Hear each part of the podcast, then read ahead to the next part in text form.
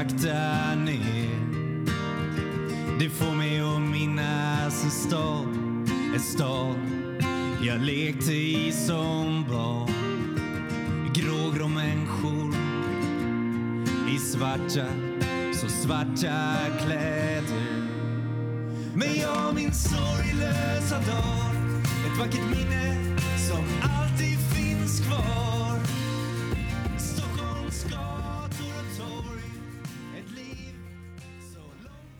Hej alla fantastiska människor och välkomna till ett nytt avsnitt av Beroendepodden. Beroendepodden är en podcast om alla olika sorters beroende, medberoende och psykisk ohälsa. Och jag som driver podden heter Anneli och är själv en beroendemänniska. Eh, lever som nykter alkoholist sedan eh, snart 11 år tillbaka. Vill man veta mer om mig kan man lyssna på avsnitt 1. Jag vill börja med att tacka alla er som sprider podden på sociala medier, Instagram och Facebook. Det betyder jättemycket. Fortsätt med det så att fler hittar till podden så att jag och alla mina fantastiska gäster förhoppningsvis kan hjälpa fler där ute. För det är det som är så fantastiskt med den här podden. Det är att den faktiskt hjälper människor. Och förhoppningsvis om du som lyssnar behöver stöd och hjälp så hoppas jag att du finner stöd här i podden. Och behöver du hjälp så kan du gå in på hemsidan beroendepodden.com. Där finns det en flik som heter Hjälp att få. Inne på den fliken så finns det länkar till lite olika ställen som man kan vända sig till om man behöver stöd och hjälp. Eh, till exempel har jag lagt in massa länkar till olika tolvstegsgemenskaper som alltid är gratis att vara med i och eh, eh, gå in och kika in på hemsidan där och jag kan också rekommendera att ladda ner appen Carry App som är en, eh, ett socialt nätverk för en nykter livsstil. Eh, där hittar ni mig under namnet Anneli Beroendepodden så om ni laddar ner den så får ni jättegärna lägga till mig där också. Eh, för dig som lyssnar för första gången, det här är som sagt en podcast om alla olika sorters beroende, medberoende och psykisk ohälsa. Det är väldigt brett, vi pratar om allt möjligt. Eh, förra avsnittet då pratade vi om eh, något som eh, vi kvinnor kan drabbas av, PMDS och PMS. Eh, någonting som jag själv lider av och eh, vi kommer köra fler sådana poddar. Det var väldigt eh, många som hörde av sig efter det avsnittet och tackade för just det avsnittet. Och, eh, det var ju kul. Eh, eller kul och kul vet jag inte. Det, när folk hör av sig och aha, det, det är det jag har problem med, inser de. Ehm, och det är inte alltid kul att ha PMDS och PMS. Nej, absolut inte. Men det är ju fint att, eh, att eh, få respons på avsnitten. Så fortsätt eh, höra av er. Det, jag blir jätteglad. Jag svarar som sagt så eh, snabbt jag kan på alla meddelanden. Och eh, Eh, ja, som sagt, vill man stötta podden så kan man göra det på olika sätt. Det står på hemsidan, men man kan också komma till Flatenloppet den 14 september som är snart. Det är inte alls långt kvar, någon vecka. Eh, det är ett löplopp. Man kan gå runt om man vill.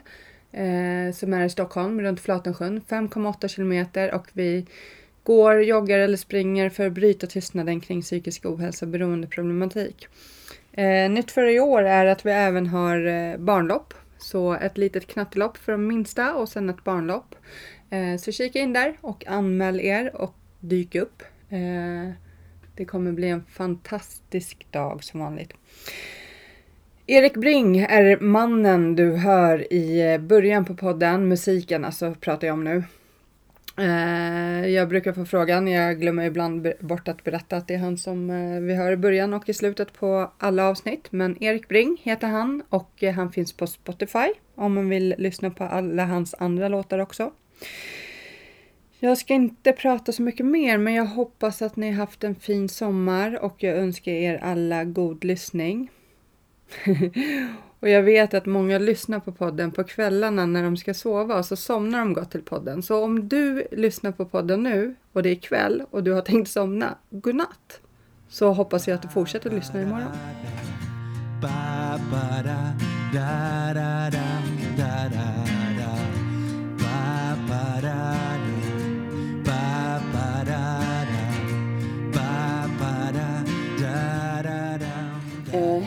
välkommen till Beroendepodden Isabella. Tack. Du lever nykter och drogfri sedan 2017. i Jajamensan. princip. Du har haft Två något- återfall efteråt Ja. i början av mitt tillfrisknande. Ja. Och du är 33 år gammal. Eller Jajamensan. ung kanske jag ska säga. Blir 34 snart. Ja. Ehm, jag är jätteglad att du är här. Och eh, när jag läste ditt mail så tänkte jag shit, vad har människan fått gå igenom under sitt liv? Det är mycket, mycket, mycket. Och det är ofta så i podden de jag träffar har ju eh, ja, fått gå igenom väldigt mycket. Men har ett lyckligt slut på sin historia, skulle jag ju vilja säga. Verkligen. För du har eh, var, haft 60 olika placeringar under Ja. ditt liv. Du eh, eh, har varit hemlös. Du eh, har diagnos autism. Som är otroligt intressant för det har vi inte pratat om i podden alls. Eh, autism och det är många som har hört av sig och vill höra. Liksom så här, kan du inte ha med någon som har autism och du kan liksom berätta idag eh, hur det liksom har påverkat ditt liv och Mm. ditt beroende och så här. Så det, det ska bli intressant att höra. Och eh, när du var 20 21 år gammal så fick du ditt första fängelsestraff. Ja. Mm. Så det, det, det har hänt mycket i ditt liv och eh, du är uppvuxen med en eh, mamma som har varit psykiskt sjuk och en pappa som eh, var, är nark narkoman. Jobbar narkoman. Mm. Realt. narkoman. Ja, jobbar narkoman. Mm. Mm. Så vi kan göra så att du får börja berätta lite om din uppväxt. Eh, för du, det var tufft redan från början, förstår jag. Mm. Ja. Hur ska jag... Nu blir jag lite nervös. Nej men... Eh, mitt bakgrund där jag kommer ifrån är eh, från Mellanöster, Iran. Eh, jag kom till Sverige när jag var drygt två år gammal. Och eh, när jag föddes så hamnade min mamma i förlossningsdepression och i psykoser. Och den tiden i vårt hemland så fanns det inte liksom kunskap i Iran och eller hjälp och sådana saker. Så min mamma var ju väldigt jag hade ingen anknytning till henne så jag växte upp hos min farmor och farfar från början. Mm. Och eh, när vi kom till Sverige så min pappa var ju ändå min trygghet. För att pappa var ju ändå hos mig under de där två åren sedan jag föddes. Medan mamma var ju borta ifrån mig under de åren. Så när vi kom till Sverige så var det oroligt runt omkring mig. Just att en kvinna för det första som stod framför mig som skulle vara min mamma. Eh, Det var så svårt för jag visste inte, jag hade ingen fått någon anknytning till den människan överhuvudtaget. Så det var väldigt svårt. Så jag var ju trygg hos min pappa. Jag var ju pappas lilla flicka liksom. Mm. Och eh, kaoset började i familjen. Min pappa drog hemifrån. Min mamma mådde inte bra. Jag har en biologisk bror som jag inte har kontakt med. Han eh, flyttade med pappa. Så det var ju turbulent där. Jag började ju... Jag mådde ju inte bra riktigt eh, minns jag när jag var liten när jag bodde hos mamma. Men eh, jag varit ju övergiven av min pappa. För att den som var min trygghet fanns inte kvar längre liksom. Han drog ju. Jag lämnades kvar i mammas händer. Mm. Och eh, som sagt, det här har jag fått återupprättat av runt omkring mig då. Men hur var hon liksom känslomässigt eh, borta eller liksom från dig? Kan du minnas det? Eller liksom? Och mamma var där. Ja, hon var inte närvarande. Hon var så inne i sig själv så att hon hade så svårt med närkontakt och hon hade svårt Alltså det var jättesvårt. Jag visste aldrig om min mamma mådde bra eller om min mamma var deprimerad och det var alltid ont i magen när man öppnade dörren. För att det svängde så mycket i hennes mående. Och jag växte ju upp i det där. Men jag var ändå glad och pigg tjej vet jag. För jag var alltid den här spralliga, glada tjejen som älskade ändå livet utanför. Jag gick till dagis, jag gick till skolan när jag började komma upp i åldern där. Men jag började också utveckla utåtagerande beteende när jag var sex år. Och eh, runt sex års ålder så vart jag ju utsatt för sexuella övergrepp av en familjemedlem. Och det här kom ju ut bland socialtjänsten. Eh, det slogs larm. Från början var det ju så att mamma ansökte socialtjänsten för hon behövde hjälp med mig. För jag hade fått utåtagerande. Och det är inte de visste om just då att jag hade varit utsatt för det här under ganska bra tid. Och eh, Det upprepades? ja. Så jag var med om en väldigt traumatisk där som barn och eh, jag har ju stängt av det här. Det är någonting som jag bearbetar idag men just då stängde jag av det här och jag minns två Tanter kom hem till oss och eh, skulle kolla hur våran samspel mellan mig och mamma var och så. Och jag mådde ju tr- trots allt dåligt. Jag hade börjat lära mig att skriva kommer jag ihåg. Jag var runt 6-7 år. Jag har fortfarande mina dagböcker kvar och eh, dagböcker vart ju mitt trygghet helt plötsligt. Jag började skriva väldigt mycket. Istället för att prata. Jag var väldigt så här, det var svårt också att nå mig. Jag började, jag hade svårt med ögonkontakt. Jag hade svårt att sitta stilla. Jag ville vara för mig själv mycket. Kom någon innanför dörren så började jag få utbrott. Det var liksom, så länge jag vill, fick vara för mig själv, fyrkantigt, så mådde jag bra. Just då. Och eh, BUP kopplades in i mitt liv också. Eh, där jag fick göra massa tester som jag har idag fått se när jag gjort. Som sagt kommer jag längre fram in i det. Och... Eh, Ja, gud förlåt, det var lite tungt. Mm. Eh, och en dag så vet jag, jag var, jag var mellan 6 och 7 år ungefär, så kommer socialtjänsten och polisen. Där jag blev omedelbart omhändertagen. Och då är det ju på familjeförhållande jag fick LVU.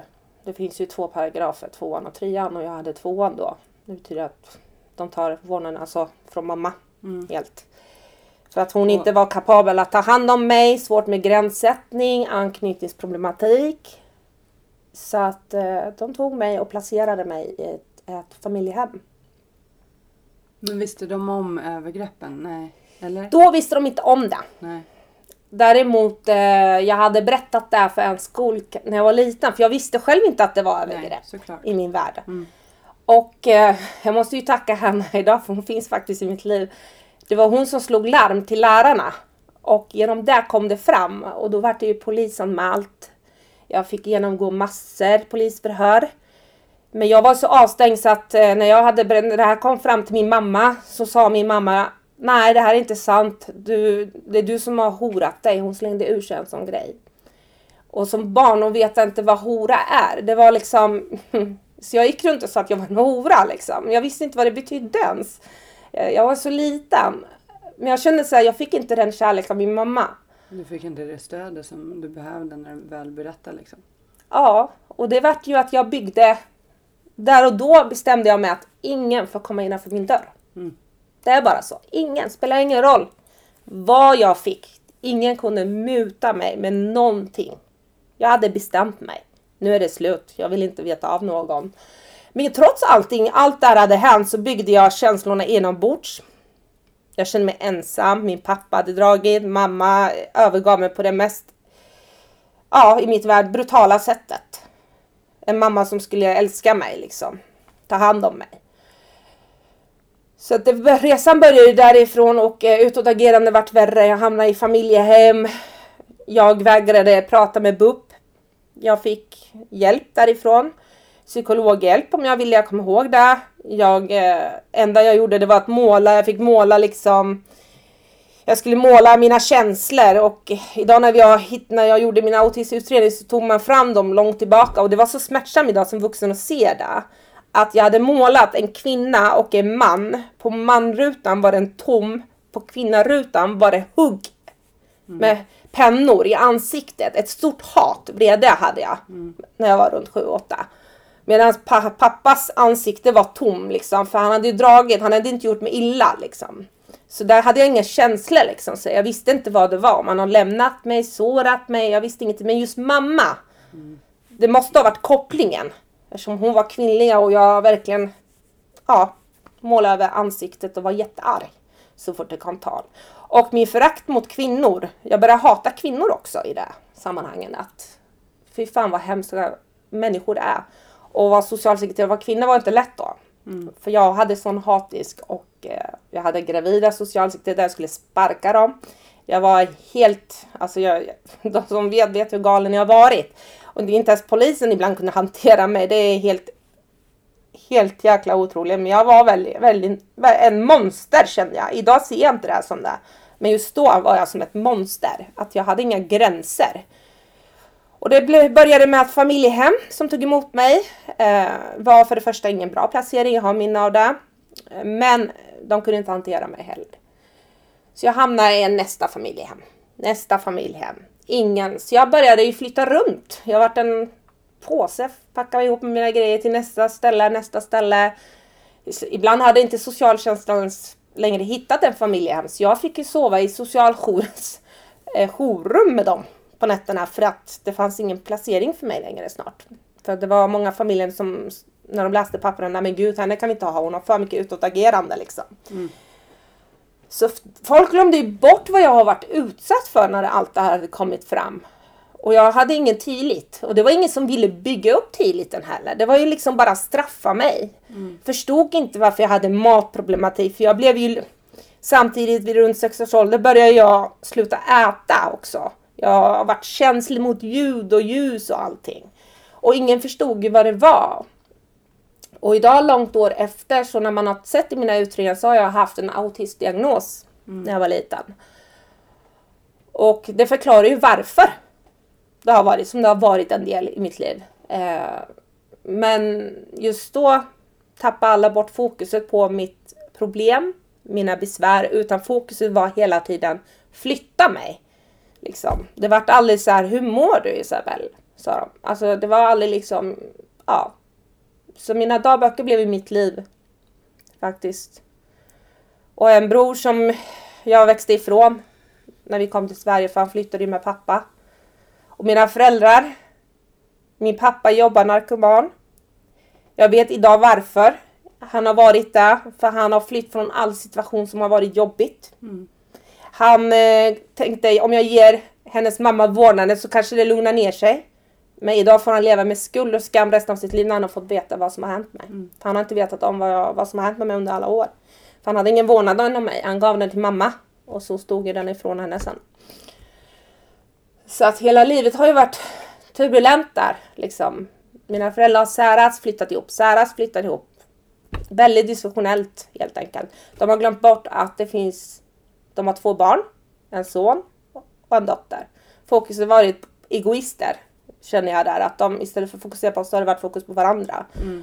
Men just det här sveket min mamma gjorde, den satt i mig så hårt. Så att, eh, ja, jag minns det väl.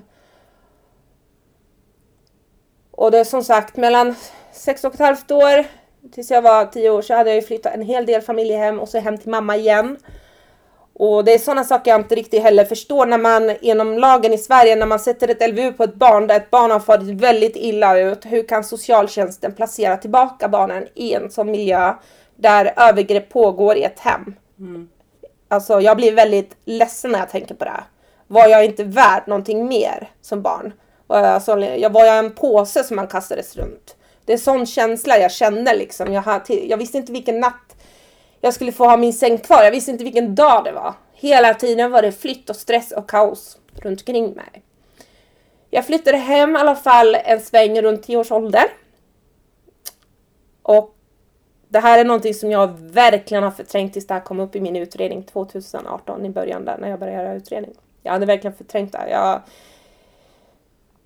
där min psykolog för 2018 gick igenom mina papper där det visade sig att jag gjorde ett väldigt, väldigt brutal handling. Och då var jag runt 10 års ålder. Att en morgon vaknade jag hos min mamma.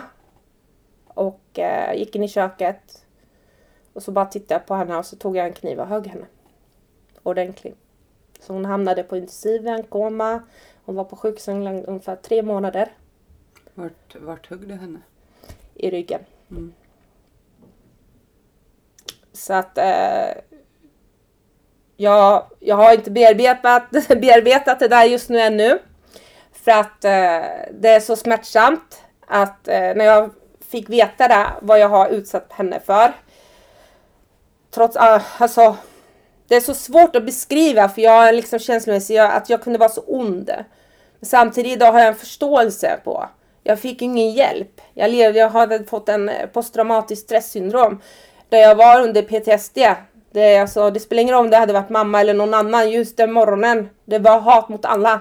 När SOS kom, polisen kom. Jag jagade folk med knivar. Jag var helt galen den här dagen.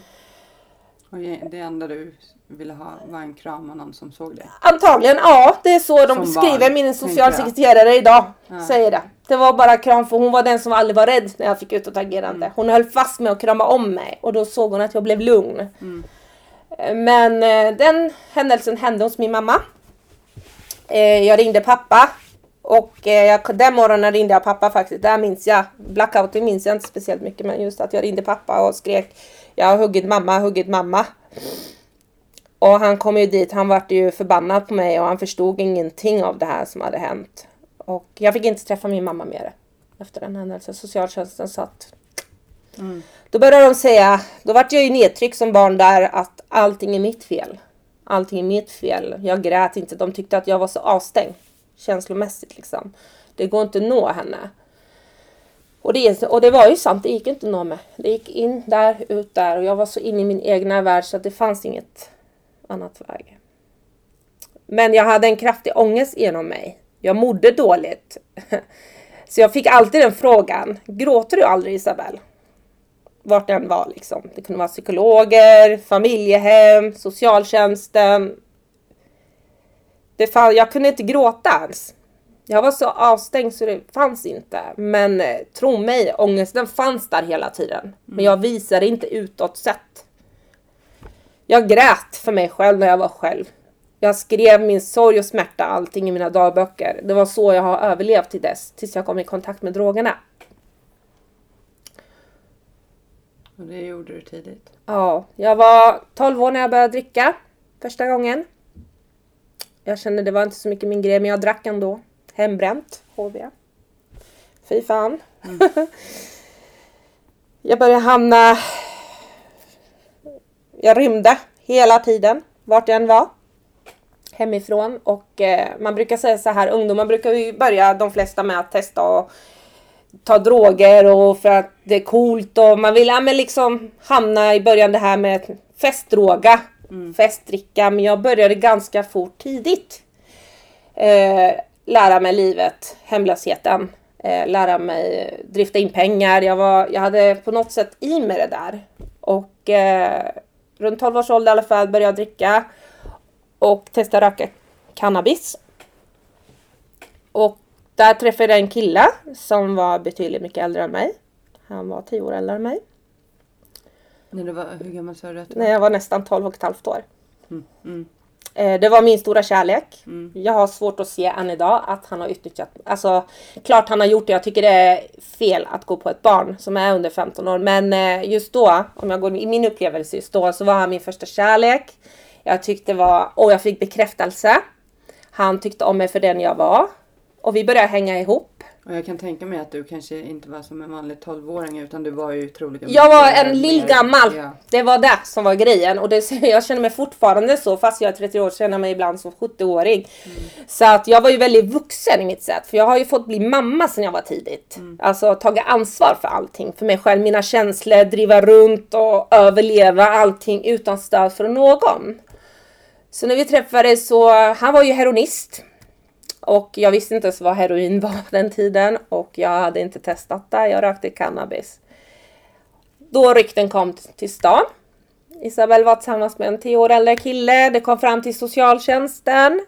Och eh, då vart jag omhändertagen. LVU-lagen igen. Fast den tredje paragrafen.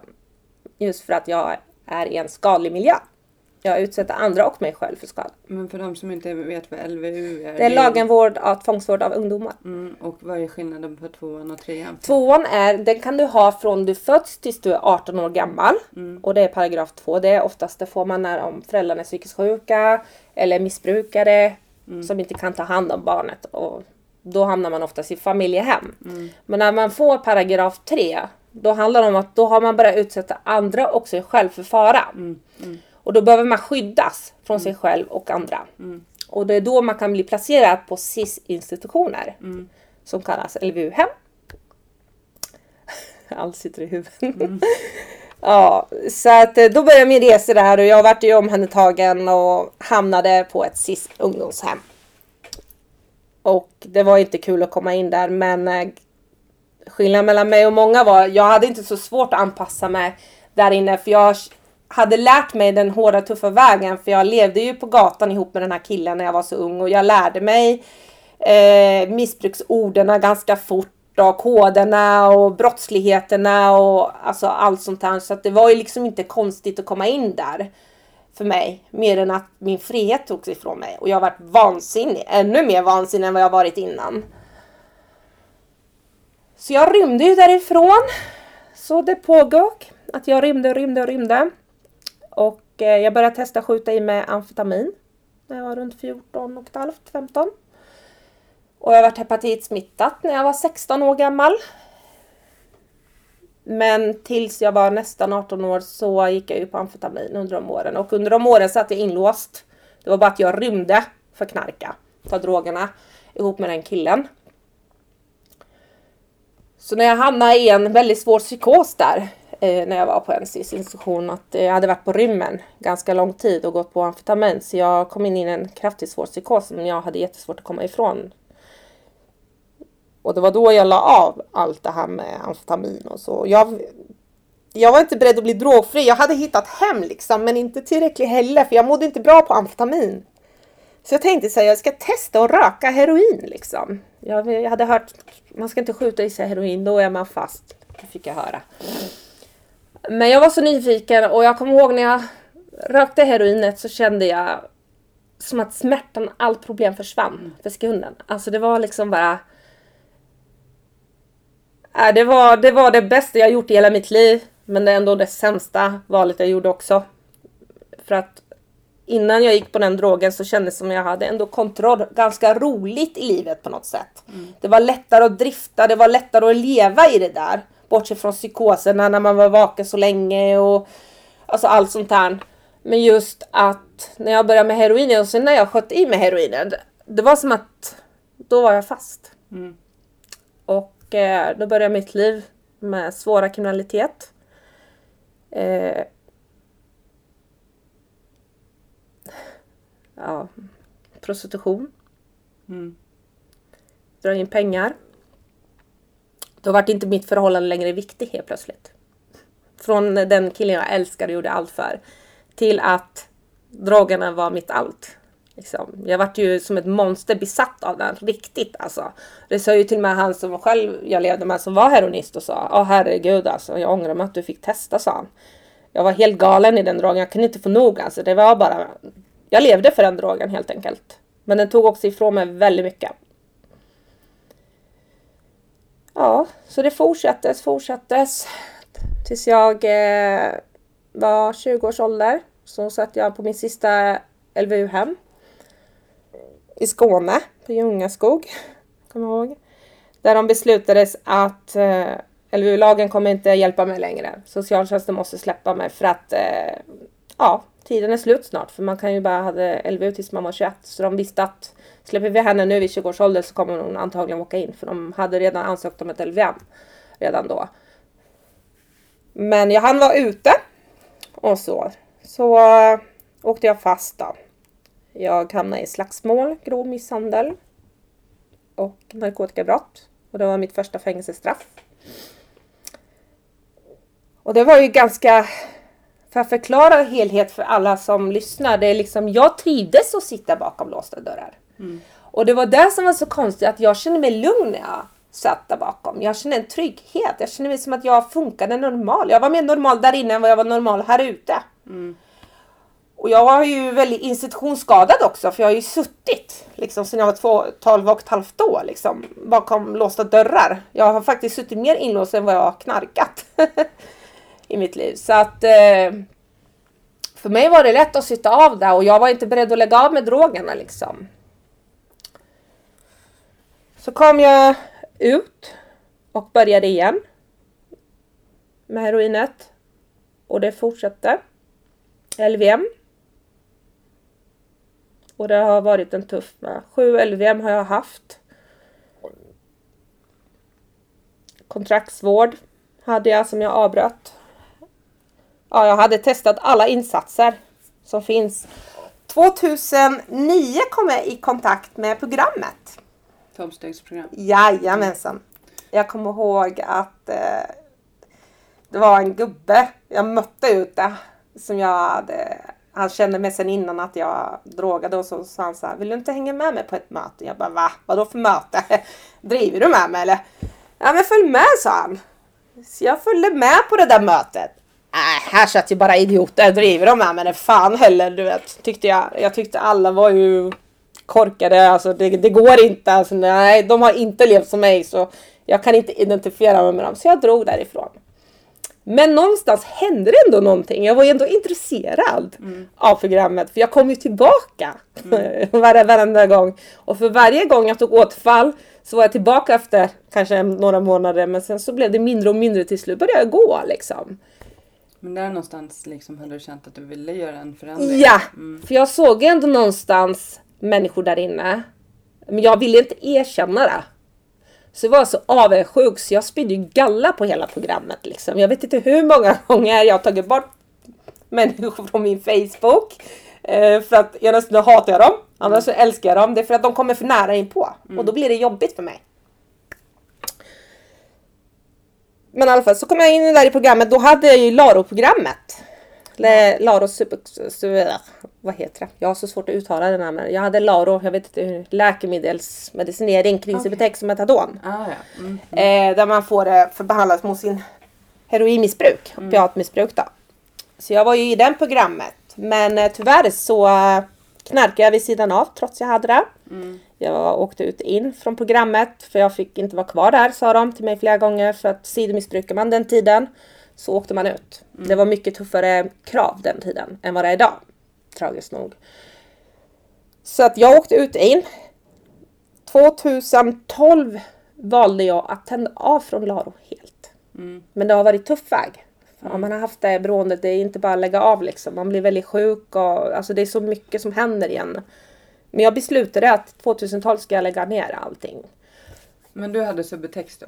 Ja, Eller? Subutex. För eh, jag har ju aldrig använt något, eh, varken heroin eller eh, fått Subutex eller något. Men, men jag har hört att det är eh, avtändningen på Subutex. Det är fruktansvärt. Det är metadon också är fruktansvärt. Båda de här två är väldigt fruktansvärda. Och eh, så man brukar, jag brukar säga så här, hellre heroinavtändning. För det går ju snabbare, det är några dagar liksom fysiska sådana där. Den andra håller på längre. Och man blir väldigt sjuk och det är väldigt, väldigt få som klarar av att tända av på det. Som jag har gjort. Men det finns också en anledning varför. När man kommer väl till den insikten. Eh, jag valde i alla fall kliva av. Jag har varit så dålig. I alla år också måste jag ju berätta. Jag har ju tagit mycket överdoser. Eh, jag har, eh, ja, så jag har inte... Har du medvetet tagit, alltså försökt? Nej, jag har aldrig försökt innan ta livet av mig. Nej. Jag har alltid varit, trots allting så har jag varit en kämpeglädjare. Däremot har jag tagit mycket överdoser när man har varit ensam.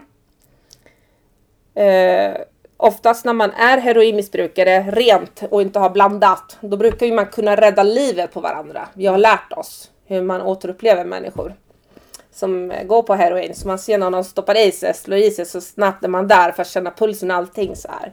Det är helt sjukt. Alltså, Nej, är galet? Det är, Ja, det är helt galet att man har lärt sig, gjort den kunskapen att vi sitter, en slår i sig och vaktar och när den andra, ja, hon, Mm. okej, hon har tagit bra dos, nu kan jag slå i mig. Så vaktar, alltså det är hela tiden och det här jagandet morgon till kväll.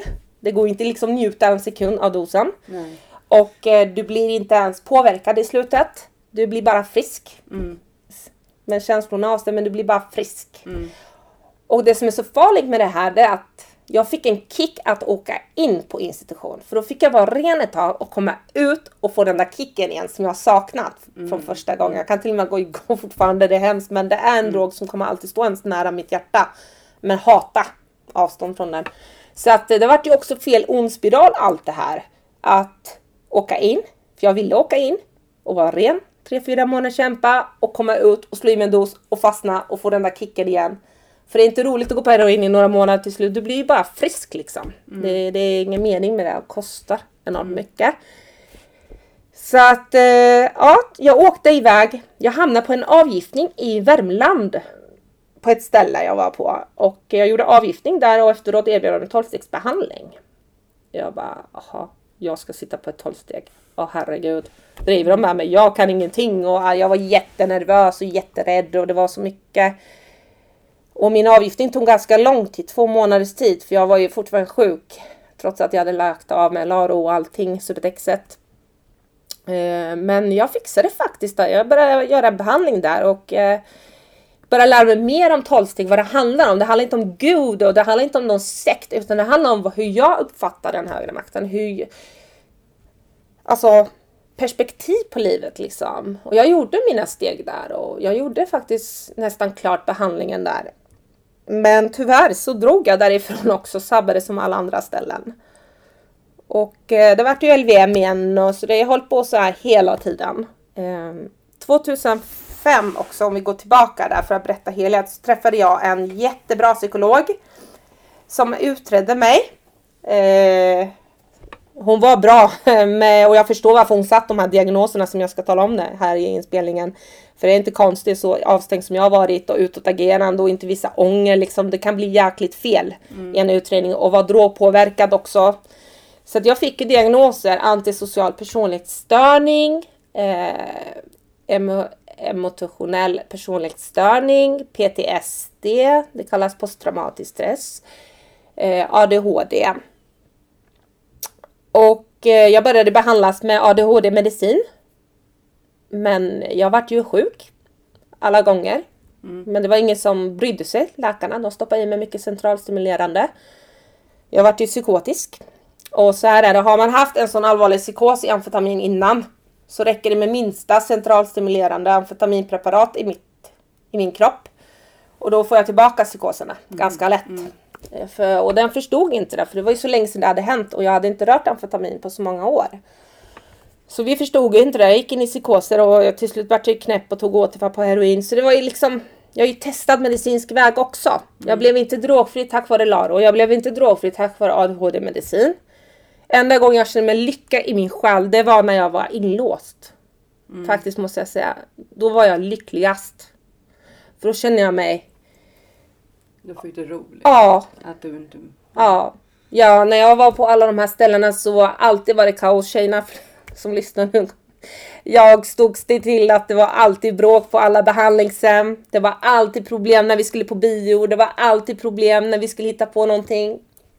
Det vi inte visste då att jag hade en autism. Som speglades i att jag klarar inte av stora grupper.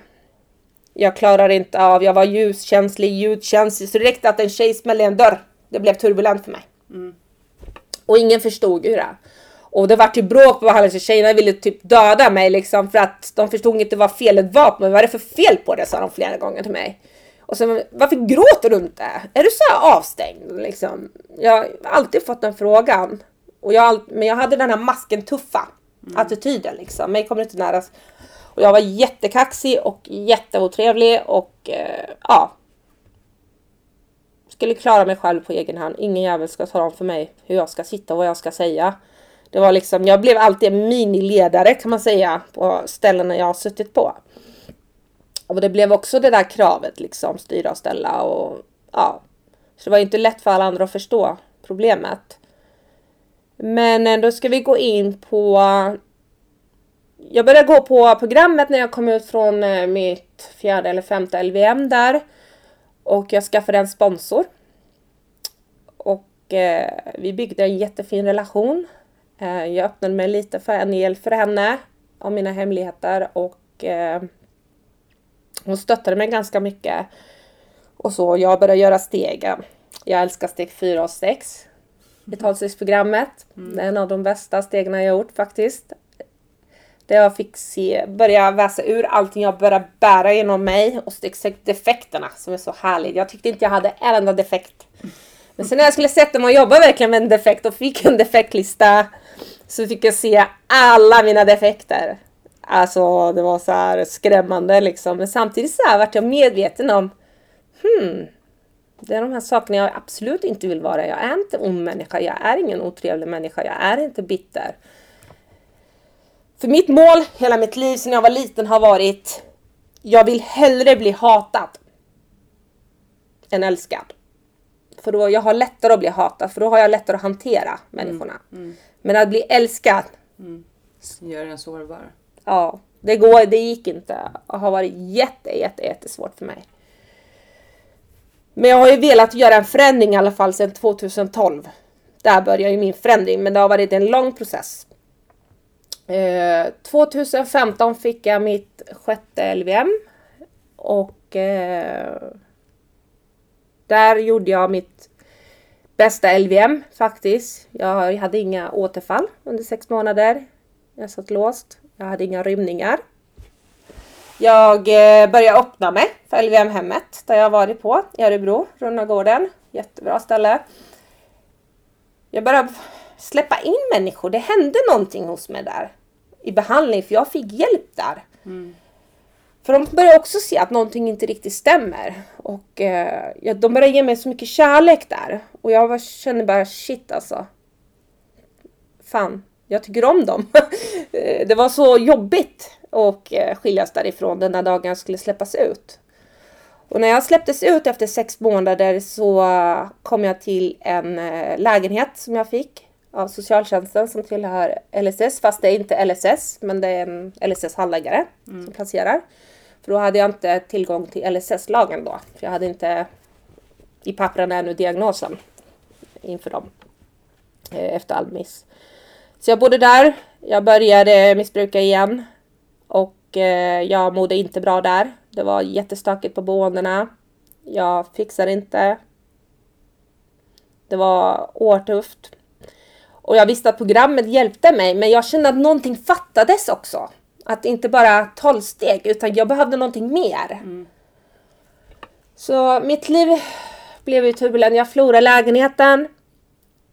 Jag förlorade ju allt, allt, verkligen mig själv. Jag gick ner. Vägde 47-48 kilo. Och var 1,71 centimeter lång. Jag var väldigt tunn i slutet. Jag var så psykotisk av att jag sov i parker, jag sov i trapphus. Jag hade blåmärken i hela kroppen, jag hade rivit så mycket i ansiktet, jag hade utslag. Ja, jag, jag har lagt ut lite bilder tidigare som ni som följer mig vet ju det. Jag såg inte klokt ut. Och, och med, saken var den att jag ville inte heller gå in och erkänna att jag behöver hjälp, för jag har aldrig gjort det. Jag skulle dö helt enkelt. Och jag ville inte leva egentligen. Det var så slut på mig så att jag, jag var död för Jag har varit botten så många gånger men det här var liksom Alltså det här var så smärtsam tid för mig i mitt liv. Det var som att inga droger, ingenting hjälpte mig längre. Det var det var bara, alltså det var så fruktansvärd tid för mig. Och samhället hade också givit upp hoppet om mig. Det var ingen som liksom förstod vad jag ville. Och jag hade frustration och jag stod helt ensam. Jag hade inga anhöriga runt omkring mig. Jag hade ingen. Men jag valde att stänga dörrar genom att jag skaffade mig en god manskap. För att hon ska hjälpa mig hålla koll på min ekonomi. Eh, och hjälpa mig nu att se vad jag kan få för hjälp. Men jag var fortfarande sådär, jag vill inte ha hjälp. Så har jag en vän i programmet, i tolvstegsprogrammet, en eh, killkompis. Som har följt min resa i många år. Han har räddat mig från alla situationer. Han var medberoende i mig ganska första åren. Mm. Men han har trott på mig ändå någonstans. För han vet att jag har velat men det är någonting som inte riktigt går ihop. Jag får inte ihop det liksom. Jag börjar med fentanyl. Den värsta drogen som kom in i marknaden som jag aldrig har hållit på med innan. Så 2016 började jag med den. I slutet där. Jag var så illa däran att jag åkte ut in på sjukhus, var tvungen att få dropp. Näringsdrycker. För jag var hemlös och behövde få in mig mat. Och det var inte bra för mig att åka och få dropp hela tiden så de skrev ut näringsdrycker. Så jag kunde ha i ryggsäcken ute och dricka så jag får in mig näring. Det var så pinsamt för mig att kliva in på en, i en kyrka och be om pengar till underkläder. För jag hade gått ner över 30 kilo på tre månader. Så att eh, jag mådde inte bra alls. Och eh, jag är jättetacksam. Jag har aldrig bett om hjälp. Varken i droger har jag, jag har alltid driftat allt själv. Så jag har väldigt svårt att be om hjälp. Så det var så här skamling gå in till kyrkan till en präst, diakon och säga Jag mår inte bra. Kan ni hjälpa mig med trosor liksom? Jag kan inte ha på mig det. Jag visade att jag hade inga underkläder under mina byxor. För allt var för stort. Jag hade gått ner i vikt. Så hon var så gullig så hon hjälpte mig. Så vi gick och köpte, hon köpte ett par jeans till mig. Jag var så, alltså det var så här, shit, gör hon det för min skull? Gud, det finns någon människa som älskar mig trots allt. Jag började gå till en präst till slut. För jag, jag, kunde inte, jag litar inte på någon. Jag var så... Samtidigt som jag skrek efter hjälp, samtidigt så vågade jag ta det där steget och säga hjälp. För jag hade så svårt för det där. Men jag tog en kraftig överdos där, eh, slutet av 2016, så ringde den här killkompisen som jobbar på ett ställe, men han ringde faktiskt till mig och sa nu räcker det. Nu räcker det här. Jag bara, ha vad då räcker? Han drog tag i mig, kastade mig i bilen, körde mig till socialtjänsten. Direkt jag kliver in där så ser min gamla socialhandläggare, det är hon som jobbar på mottagningen. Och hon blir förskräckt hur jag såg ut. Hon säger det finns ingen tvekan, du ska inte ens göra en sån här utredning. Du måste åka iväg. Det är bara så. Eh, jag bara va? Hon bara ja, jag skickar remiss till eh, vuxenenheten. Så att din gamla SOS får ta över så får de placera dig. Jaha, okej. Det var så här shit. Jag bad fortfarande inte om hjälp. Det var han som sa hon måste ha hjälp. Och hon såg hur jag såg ut. Du ska iväg. Och jag släppte lite kontrollen där. Och var trygg med honom. Att han fanns där. Shit, det är någon som kämpar för mig. Liksom som tror på mig ändå. För jag trodde inte på mig själv. Jag älskar inte ens mig själv längre. Jag, jag hade ingenting kvar. Ingenting, tomt skal bara. Så träffade jag en socialsekreterare, en av mina gamla socialsekreterare som jag har haft som inte riktigt är riktigt bra. Eh, men i alla fall, de beslutade att skicka iväg mig till ett ställe som heter Kronbacken eh, vid Falun i Linköping. Och eh, där skulle jag bo två, tre månader sa de från början. Så får vi se vart som händer. Och det var ingen behandling där, det var mer då, just då vilohem kan man säga. Så jag åkte dit. Jag hann vara där, rekord. Eh, hann vara där i 13 dagar exakt. Eh, jag var i psykoser där. Jag hade tagit med mig fentanyl, heroin, till stället och satt och slog i mig. Helt plötsligt kommer en personal en dag och knackar på där.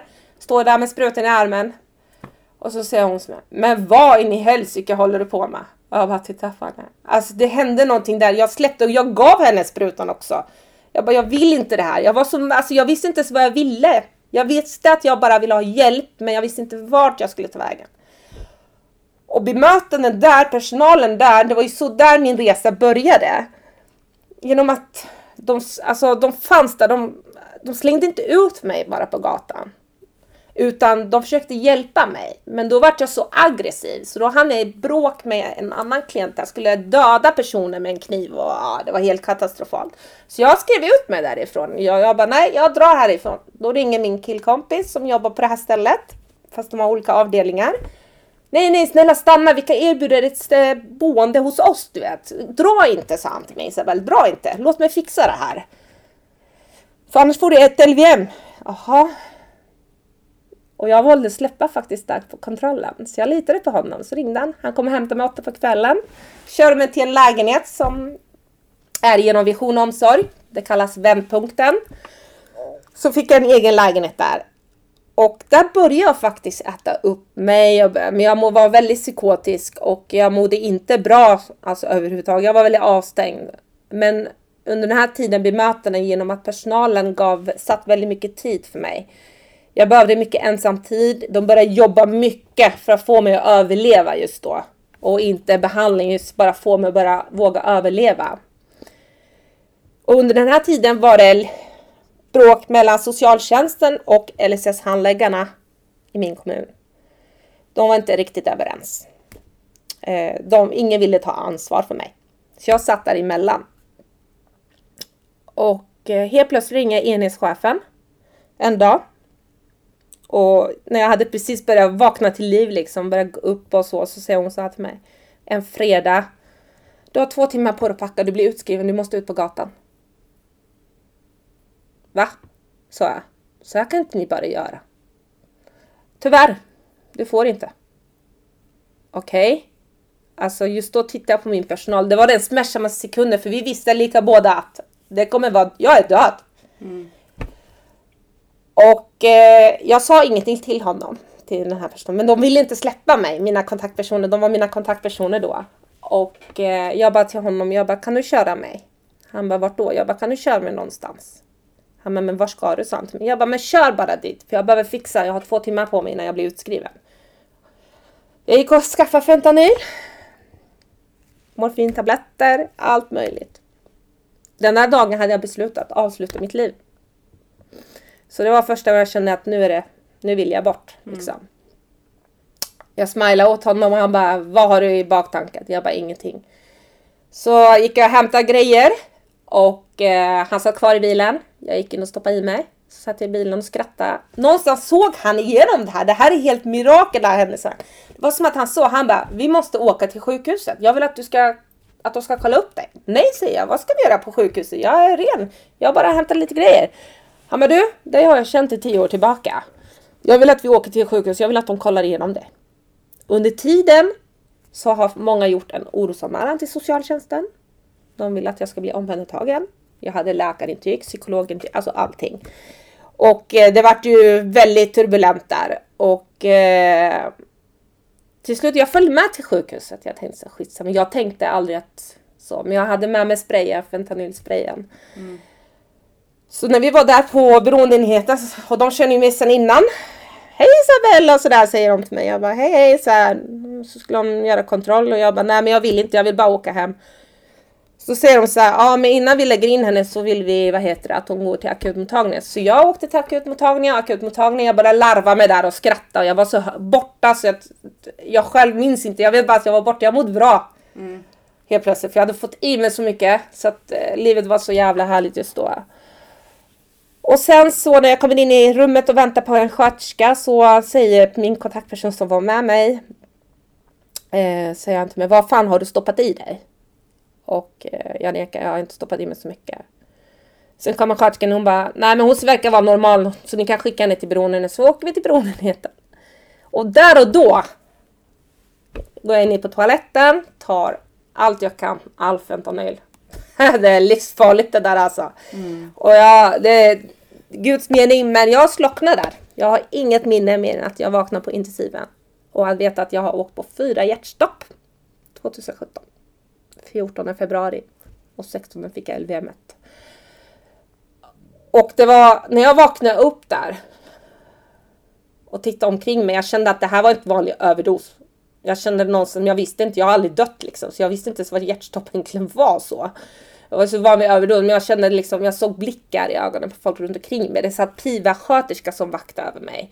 Mina kontaktpersoner, Nalle, läkarna. Jag, alltså jag, var, jag kunde inte få fram ord bara, vad som hade hänt. Allt jag vet bara att jag fick ett samtal den 16 februari, ja, februari 2017. Och då ringer min socialhandläggare och säger så här, går du med på frivillig behandling? Jag bara fuck you. För jag var så arg. De slängde ut mig när jag, när jag var i så trasigaste form liksom. När jag bad dem frivilligt. Då fick jag bara några veckor och sen ut på gatan medan ett LVM. Så jag förstod inte hur de kunde. Så jag var ju så arg på dem. Alltså de hade traumatiserat mig på det här sättet. Så att eh, jag ville inte ha hjälp. Och då faxade de in ett LVM. Så jag åkte på ett LVM. Eh, jag kom till mitt LVM-hem. Vision och omsorg fanns kvar vid min sida. De släppte inte tagen om mig, de var lika envisa. Alltså jag, jag ägde ingenting när jag kom till dem. Ingenting. Jag hade alltså, ja. Jag hade kontakt med personalen från eh, vändpunkten eh, rätt ofta. De kom och hälsade på mig där. Och eh, jag bestämde mig att jag vill hit till det här stället. Det var något som hände med mig där. Jag fick en kärlek, trygghet, bemötande, förståelse. Jag fick visa sorg utan att bli straffad. Jag fick vara exakt den jag ville vara. Eh, så när jag kom till LVM-hemmet så eh, min placeringsansvarig på Runnagården såg allvaret i mig, för jag var inte mig själv när jag kom dit. Jag mådde så dåligt så jag behövde psykiatrisk vård för första gången. Så jag, under LVM-tiden så fick jag LPT och låg på inne på psyk. Jag var tvungen att medicineras med 28 tabletter. Jag var, ja, jag var självmordsbenägen hela tiden. Så att eh, efter fem veckor intensivt vård jag fick där så började jag vakna till ljuset och började se, men jag hade inget hopp om livet men jag kände bara fan, det finns ingen annan väg för mig liksom. Jag kämpade för att få en P27 till vändpunkten. Eh, jag fick avslag från socialtjänsten. Och det är här till slut att mitt LVM-hem, min behandlingssekreterare sätter ner foten mot socialtjänsten och säger nu räcker det. Hon har varit på alla behandlingsinsatser. Och det är, och det är första gången Isabella säger att hon vill ha hjälp och hon känner att hon vill till ett ställe som hon verkligen har trivits på, som har gett henne någonting. Så man borde ju lyssna. Så de hade konflikt med enhetschefen. Till slut fick jag igenom det. Jag kom till vändpunkten. Och jag var så lycklig. Jag har aldrig sett, ingen har någonsin sett mig hoppa runt och studsa och vara så lycklig för att få komma till ett ställe. Alltså jag sprang runt och pussade tjejerna och, och jag var helt lycklig. Jag kan bara smila när jag pratar om det. Jag kom dit och Eh, första året jag skötte mitt LVM. Inte en enda rymning. Jag hade ett återfall där i början en gång. Men lika snabbt kom jag upp igen. Jag behövde ingen avgiftning, jag behövde ingenting. Det var liksom bara... Det tillhörde på något sätt tillfrisknande. Men jag hade så svårt i början att gråta när jag kom dit. Så fick jag tips att börja gå på vuxna barn möte. Och samtidigt började jag gå i terapi hos psykolog regelbundet. Samtidigt som Vision och omsorg eh, börjar jobba med mig att bygga upp min självkänsla. Se till att lägga mycket tid på mig ensam, inte med andra klienter utan jag fick egen tid, timmar per dag. Så vi kunde åka till sjön, promenera, träna, gå på bio. De började öka. Jag fick så mycket känslig livsglädje. Jag har aldrig kunnat göra sådana grejer. Liksom. Och när de väl byggde en stark grund mellan oss, då började jag få träffa en drogterapeut där. Där jag började jobba med mitt beroende. Jag åkte på NA-möte i en andra städer. Och vuxna barnmöte regelbundet. Och där började jag sakta tillfriskna i mina känslor. Tills jag ändå började gråta hejdlöst. Jag har aldrig gråtit så mycket. Jag var så rädd. Så jag kommer ihåg, jag sprang in i kontoret till drogterapeuten där på Vision omsorg. Jag bara Varför gråter jag? Varför gråter jag? Det här är inte normalt. Alltså hjärtat bara stannade där. Han bara Det här är friskhetstecken. Du dör inte. Gråt. Jag bara Åh, jag kommer knarka på det här. Det här går ju inte. Det här är ju fan sjukt. Kan man gråta så här mycket? Alltså han bara satt och tittade på mig hela tiden och så sa han så här. Du dör inte. Du har stängt av så många år, Isabelle. Det är inget konstigt. Och jag tänkte så här, shit. Sen dess började någonting hända att jag började gråta för mig själv ganska mycket. Och till slut började jag gråta på mötena också, som jag aldrig gjort innan. Och eh, det var människor som till och med blev rädda. Shit, mår du bra? Du gråter. Från, från att aldrig se mig gråta till att börja gråta helt plötsligt. Och jag började släppa in kvinnor också i mitt liv. På något, alltså det händer någonting. I början hade jag bara manliga personal som fick komma innanför dörren när jag var där. Sen började en kvinna jobba med mig som har känt mig lite tidigare och jag hade lite sådär. Men hon började öppna dörrarna. Jag började se att det finns faktiskt snälla kvinnor också, inte så farliga. Så hon och jag började gå på vuxna barnmöten och så. Och det var så dörren öppnades att jag började se kvinnor. Och idag älskar jag kvinnor. Idag älskar jag kvinnor. Min placering fortsättes och eh, det började med att jag fick eh, ha sittmöte för de ville skriva ut mig. Jag bytte kommun. Eh, för att eh, jag fick lägenhet, förstahandskontrakt, själv. Och det var ett stort glädje för mig att få ett eget kontrakt. Jag stod på det och allt så här. Så jag flyttade. Och eh, då var det lite tjafs mellan kommunerna vem som skulle ta ansvar och så hade vi SIP-möte som det kallas och då betyder det att alla myndigheter kommer in, psykolog och personal och socialsekreterare och eh, chefen på Vision omsorg, Fredrik Wretman, som har varit en stort stöd för mig. Alltså, jag är så enormt tacksam till honom. All tid han har lagt på mig, all hans personal. De har fått ta emot, jag har haft utbrott där. Jag har bett dem dra åt helvete. I min tillfrisknande ringde, kunde jag ringa chefen dygnet runt, stackarn. Han hade aldrig sommarlov eller fritid. Ja, ja. Du ska skriva ut mig omedelbart, fattar du eller? Han var okej. Men han visste, för jag sa i början, om jag säger sådana saker, skriv inte ut mig. Jag är duktig på att straffa ut mig, för det är så jag har gjort hela mitt liv. Och jag är tacksam att de inte lyssnade på min röst. För jag kunde skrika.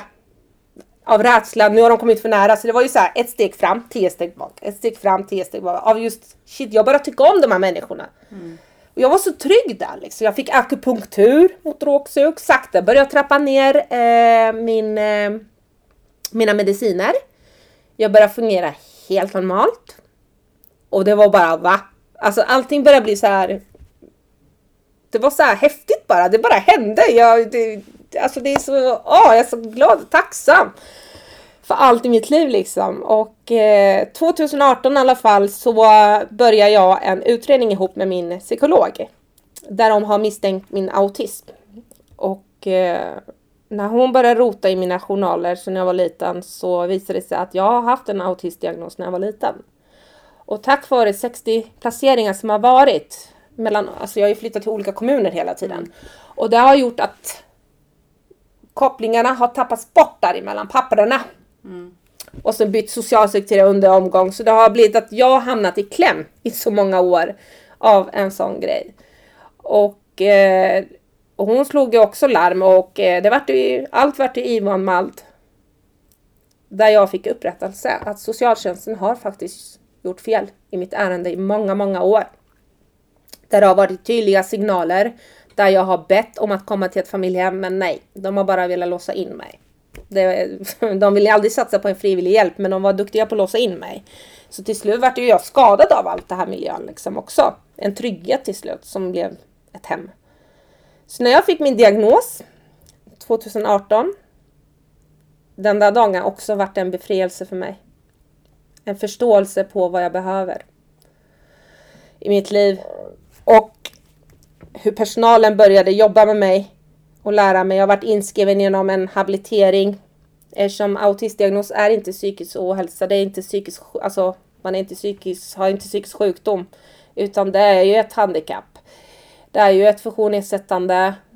Och vissa har ju olika spektrum i autism. Själv har jag åkt på alla de här. Jag är både ljudkänslig, ljudkänslig, luktkänslig, intryck. Jag kan bli stressad av alla människor. Jag behöver långa förberedelser. Annars kan jag få utbrott. Jag har så svårt med väldigt, om, jag inte, om det är mycket nya människor då har jag jättesvårt att eh, vistas där i början. Jag blir rädd, nervös, eh, mår dåligt. Eh, det är krävande. Bara göra den här intervjun har tagit all kraft för mig. Varenda steg. Jag har knappt sovit på fyra dygn. Fast jag hade behövt sova, jag är helt utmattad. Men det är så, det är så det är livet och jag lär mig varje dag att hantera min diagnos. Och eh, lär mig att leva med det, men mest av allt förståelse och inte lägga skuld på mig själv. För att jag har bärt väldigt mycket skuld och skam, ångest, alla människor jag skadat i mitt liv. Men det har aldrig varit med meningen liksom. För att överleva har jag varit tvungen och stötta bort alla på de mest brutala sätt man kan faktiskt göra mot människor. Och det är ingenting jag är stolt över utan det är verkligen så. Det är många jag idag kunnat skicka iväg brev och förklara på olika ställen jag har varit på där jag har skadat personal allvarligt. Och förklarat att med BFI har fått en diagnos och jag har rätt till LSS. Och idag har jag LSS servicebostad där jag har personal men jag träffar dem jättesällan. Utan jag har fått mycket hjälpmedel. Så jag klarar mig ganska bra. Jag har börjat arbetsträna som är anpassat för mitt eh, diagnos. Och eh, diagnosen är en del av mig, men jag är fortfarande Isabelle, en beroende människa. Och jag är stresskänslig. Jag har lärt mig hantera att återhämtning är jätteviktigt. Eh, tar jag inte vara på mig själv så kommer jag gå tillbaka till beroende, min beroende som jag haft. Och dit vill jag absolut inte tillbaka. Det är ingen lösning idag för mig. Idag är lösningen att jag ringer, jag är så trygg i mig själv att jag kan ringa antingen mina personal eller mina vänner eller folk inom programmet som jag har fått kontakt med igen och ja. Mm. Det är liksom, det är lösningen, det är ingen lösning för mig längre att tända på och det är, och det är en sån skön känsla. För att det tog så mycket energi i mitt huvud att ha drogerna hela tiden. Och det är mycket beslut i mitt liv jag har tagit. För jag kan ju också berätta det här historien. Det här är också en hemlighet som jag bara har mellan mig och myndigheterna och nära, väldigt nära vänner. Jag var ju gravid där 2014 och eh, jag skulle åka, jag var på ett mammahem. Eh, jag var i vecka 17 och eh, ja, jag har ju levt i våld i nära relationer ganska lång tid och Eh, jag valde att göra aborten ganska sent. Där jag fick igenom Socialstyrelsens godkännande ganska sent. Jag födde ut min son i juni, tyvärr. Eh, det var en oerhört smärtsam, plågsam trauma för mig eh, som jag gick igenom 2014 där. Men 2015 ansökte jag om sterilisering. Jag valde att sterilisera mig där 2015-2016. Efter det och jag har inte velat berätta för att ingen ska kunna påverka mig. Det här har varit en tuffaste beslut för mig att göra det, men jag känner mig att jag kommer aldrig orka ta hand om ett barn. Ju inte just bara på grund av det, just att det är den här känslan att jag har direkt, jag kämpar med min beroendesjukdom. Och så har jag en autistdiagnos. Och jag vill inte kunna ge mitt barn det här livet som jag själv har fått. För jag har föräldrar som har de här diagnoserna. Och det är ärftligt. Och känslan att misslyckas igen, jag vill inte. Jag har misslyckats med allt i mitt liv. Men en sak jag har lyckats med och det är min behandling. För första gången jag är stolt när jag klev ut därifrån. Efter nästan tre år vart jag utskriven för fyra månader sedan från Vision och omsorg. Och eh, känslan att jag var livrädd för den separationen. Jag kommer ihåg den där dagen när min personal körde mig till mitt nya hem, min nya stad. Ensam helt plötsligt. Men han sa de här viktigaste orden. Oavsett du blir utskriven Isabelle så kommer vi alltid ha dörren öppen för dig. Och just känslan att bara veta att de är där för mig. Trots allt i början, allt, allt. Jag testade alla gränser som fanns där. Jag har slagit sönder deras bil, jag har spottat på personal. Jag har varit så utagerande. Jag jagade en chef där med kniven till och med, kommer jag ihåg. Det är absolut inte okej okay på en sån ställe, det kan jag tala om för er. De var väldigt tydliga med det, men de kunde se vad det handlade om. Orsaken bakom det. Vad det var, det var inte så att jag bara kom in och svår liksom. Det var förändringar jag hade svårt med. Och det gjorde att jag varit utåtagerande. Men eh, så idag lever jag i en ny kommun. Arbetstränar och jobbar med djur som jag älskar. Eh, bra stöd, bra vänner. Eh, stabilt i mig själv. Jag har brutit kontakten med min mamma sedan ett år tillbaka helt och hållet. För att jag är inte där för att bemöta sorgen mellan oss två. Jag har krävt att hon måste göra en förändring för att kunna mötas halvvägs. Jag är inte arg på henne. Jag är ingenting längre. Jag känner mig bara, bara hon erkänner sitt så kommer jag kunna möta henne någonstans på vägen senare i livet. Och min pappa idag, 2015 fick jag kontakt med min pappa jättenära. Så idag står han mig nära, vi skrattar och så vi pratar inte så mycket om det i bakgrunden men han är ju som han är, han är fortfarande jobbad narkoman. Mm. Men eh, det är ändå glädje, vi pratar, vi skrattar, vi shoppar. Han är min bästa vän idag och jag är så tacksam för det och jag är så tacksam att jag har haft ändå bra familjehem, vissa som finns fortfarande kvar i mitt liv idag. Jag har kontakt med mina ba barndomshandläggare idag privat, eh, där de bryr sig jättemycket om mig och jag har alltid känt mig ändå älskad av dem.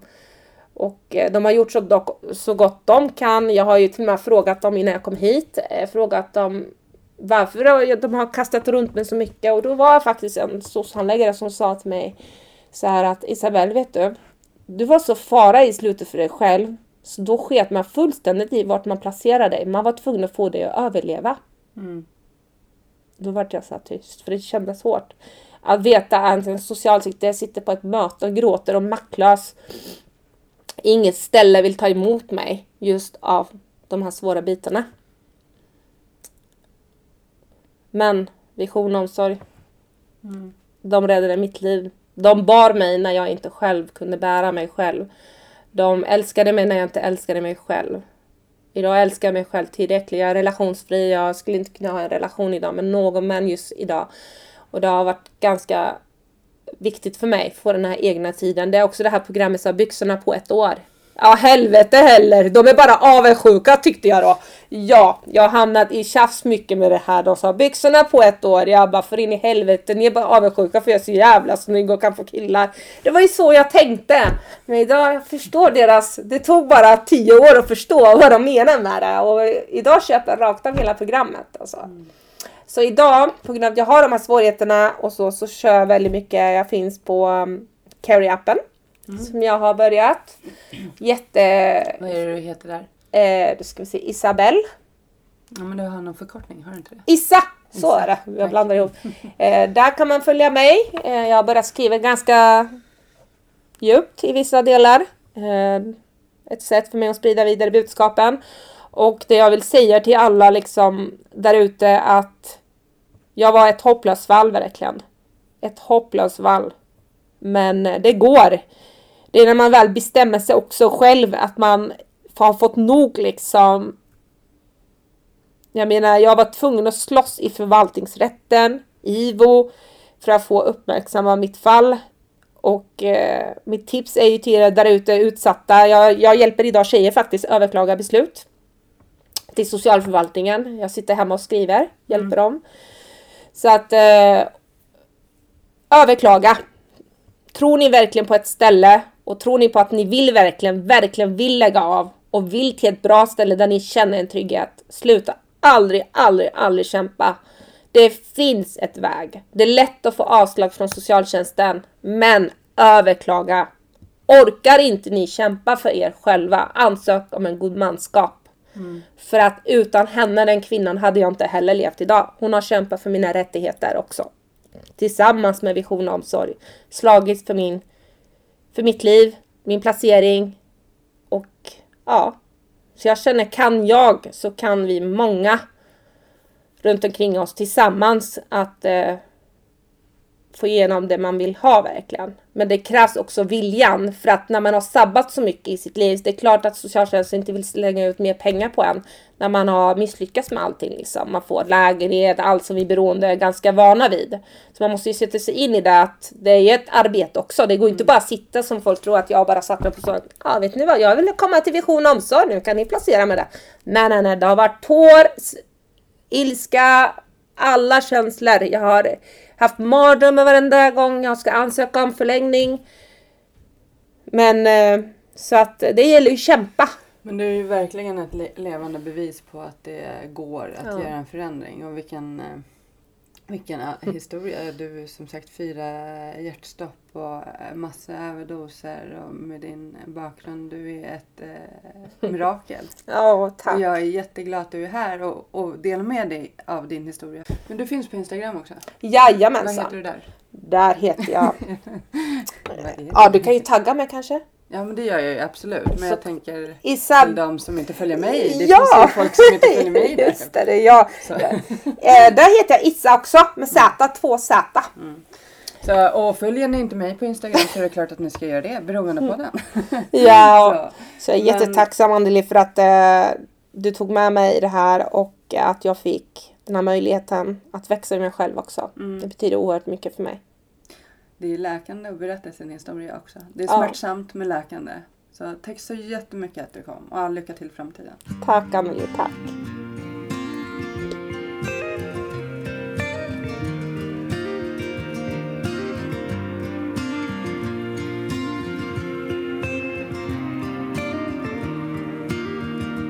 Mörk himmel Ett regn faller sakta ner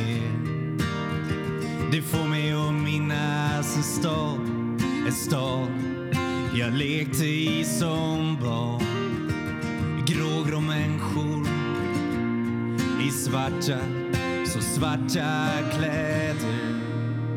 Men jag minns sorglösa dagar. Ett vackert minne som alltid finns kvar. Stockholms gator och torg. Ett liv så långt ifrån sorg. Ba, ba, da, da. Ba, ba, da, da. Ba, ba, da, da, da, da, da, da, da. Ba, ba, da, da. Ba, ba, da, da. Ba, ba, da, da, da, da, da, da, da. En dyster T-baneperrong Ett liv inrutat i betong Stäng ut det andra med musik. Fokusera allt på att bli rik. Här finns en dyster atmosfär. Ett liv kretsat kring karriär. Men jag min sorglösa dag. Ett vackert minne som alltid finns kvar. Stockholms gator och torg